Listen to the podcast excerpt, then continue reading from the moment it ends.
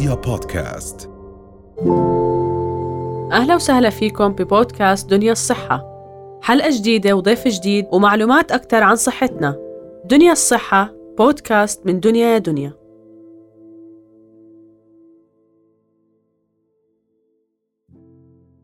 إذا اليوم دكتور بدنا آه، نبدأ آه، بضعف السمع بشكل عام. وشو هي هاي الأنواع؟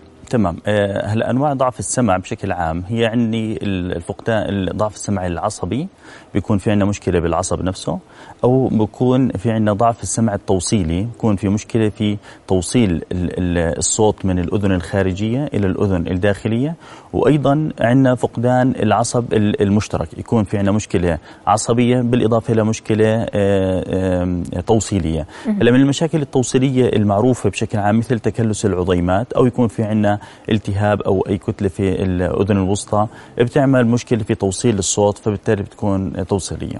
نعم. طيب إذا نحدد عن فقدان وضعف السمع الحسي العصبي المفاجئ تحديدا. إذا بنعرف نعم. عنه تفاصيل أكثر كيف بيبدأ شو هو بالضبط؟ جميل. آه، فقدان السمع الحسي العصبي المفاجئ حتى إحنا بنسميه غير معروف السبب أحيانا idiopathic sudden sensorineural hearing loss هو عبارة عن إنه الشخص فجأة بيكون ما عنده أي إشكالية آه، بالسمع من قبل بيشعر إنه في عنده فقدان مفاجئ بدون أي سابق إنذار في آه، غالبا بأذن واحدة. بيكون هذا الفقدان السمع غالبا ممكن مترافق مع طنين الأذن أو آه، الشعور بالدوخة أو بالدوران.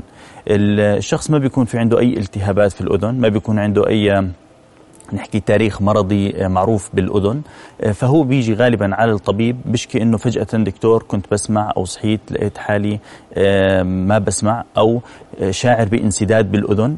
وبالفحص الطبي بيكون ال examination أو الفحص التقييم الطبي ما في أي التهاب أو شيء يفسر إنه ليش صار في عنده ضعف السمع فإحنا آه، هذا بشكل عام. لكن كمفهوم طبي إحنا بنعرفه إنه وجود فقدان سمع أكثر من 30 ديسبل يعني أكثر من 30 درجة بثلاث ترددات مختلفة متتابعة خلال ثلاث أيام.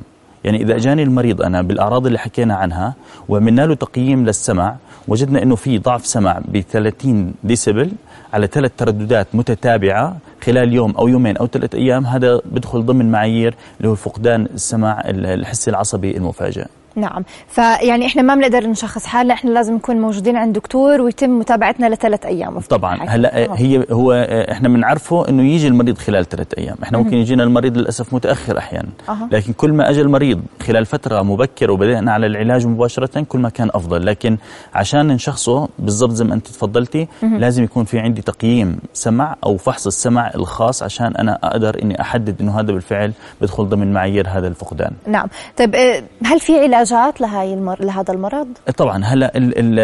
النقطة الأساسية للياك إنه يجي المريض خلال هاي الفترة اللي هي الثلاث أيام أو أول ما يشعر بهذا الضعف السمع أو فقدان السمع هلا السبب المباشر له صدقا هو يعني غير معروف لكن حطوا أكثر من نظريات أو أكثر من افتراضات شو هاي النظريات؟ منها هاي الافتراضات إنه بعد آه، التهابات الفيروسية يعني إحنا بنشوف إنه المريض بيجي بيحكي لنا إنه صار عنده ضعف في السمع بعد آه، رشح أو إنفلونزا صار معه.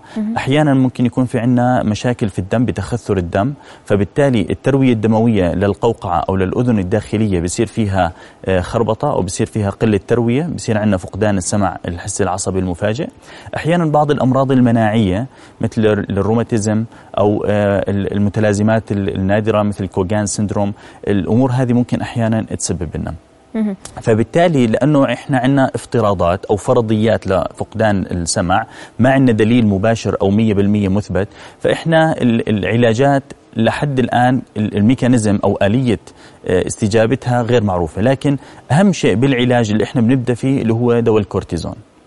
أهم شيء لأنه المريض إذا بدأ عليه خلال فترة مباشرة بعد فقدان السمع بتكون نسبة أنه يرجع له السمع بتكون كثير عالية. خصوصا خلال فترة خلينا نحكي أول أسبوعين.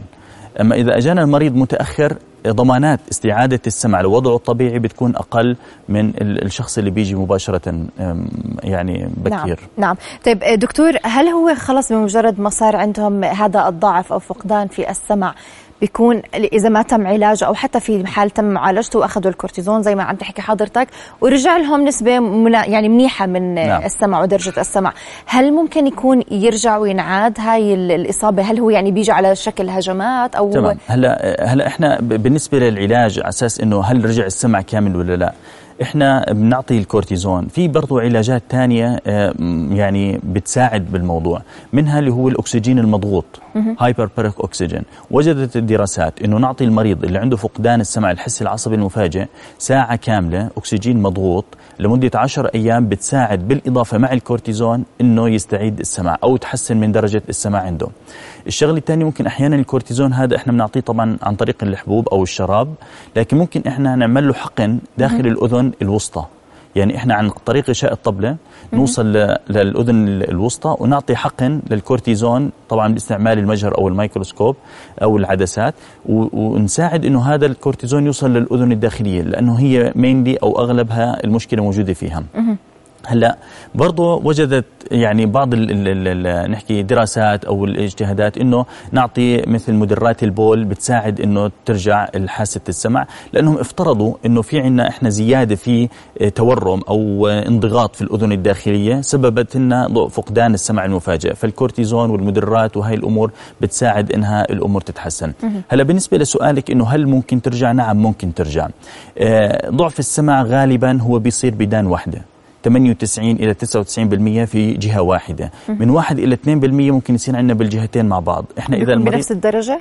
ممكن باختلاف لكن في عندي نقص أكثر من 30% أو أكثر أكثر من 30 ديسبل هلا المريض إذا كان في عنده على الجهتين هذا بخلينا نفكر إحنا بأمراض المناعية اللي حكينا عنها. فبخلينا نعمل فحوصات إضافية للمريض. يعني إحنا في البداية ممكن نقتصر على فحص السمع اللي حكينا عنه لكن ممكن إذا تكررت الإصابة زي ما أنت حكيتي أو كان في عندي أنا على الجهتين أضطر إني أعمل فحوصات ثانية مثل الرنين المغناطيسي مثل الفحوصات المناعية آه، معاملات الالتهاب آه، قوة الدم نسبة الحديد في الدم هاي الأمور كلياتها ممكن تعطيني انطباع إنه ليش تكررت المشكلة عند المريض هذا. فبالتالي ممكن إنها تتكرر. ممكن إنها تتكرر. نعم. بس الدكتور بناء على حكيك هي ممكن تكون مش بس مرض وإنما هي ممكن تكون عرض لأحد طبعاً. الأمراض المناعية. صحيح. ممكن تكون عرض مش بس لأحد الأمراض المناعية. أحيانا إذا كان في عندنا أورام آه، منشأها ضاغطة على العصب السمعي نفسه. ممكن تعمل لي سدن سنسوري أو ضعف السمع الحسي العصبي المفاجئ. فعشان هيك بنضطر نعمل إحنا الرنين المغناطيسي. الرنين المغناطيسي ببين إذا في عندي بالفعل مشكلة أو كتلة صغيرة بلشت تنمو في الممر أو في القناة اللي بيمشي فيها العصب المسؤول عن السمع فبالتالي نعم. ممكن يكون هو بحد ذاته عرض لمرض ما. فبالتالي إحنا بخلينا نفكر فيه أو نعمل اجتهادات وفحوصات أكثر إذا كان متكرر أو على جهتين. نعم. شكرا لوجودك معنا دكتور صهيب عيد الحلايقة وحضرتك جراح أنف وأذن وحنجرة. أهلا, أهلا وسهلا. شكرا لكم. يعطيكم العافية. رؤيا بودكاست.